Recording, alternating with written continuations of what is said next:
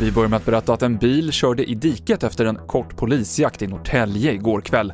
De två i bilen fördes till sjukhus, men kunde ta sig ur bilen på egen hand, säger polisen till Aftonbladet. Och föraren är misstänkt för bland annat grovt rattfylleri.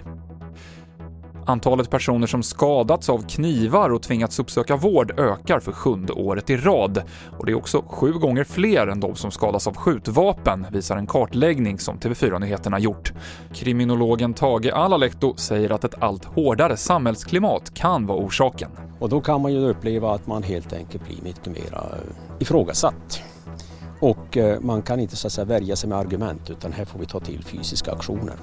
Och då om man tror att, att den andra är beväpnad, ja men då beväpnar jag också. Och då har vi så att säga en, en upptrappning, en kapprustning egentligen här.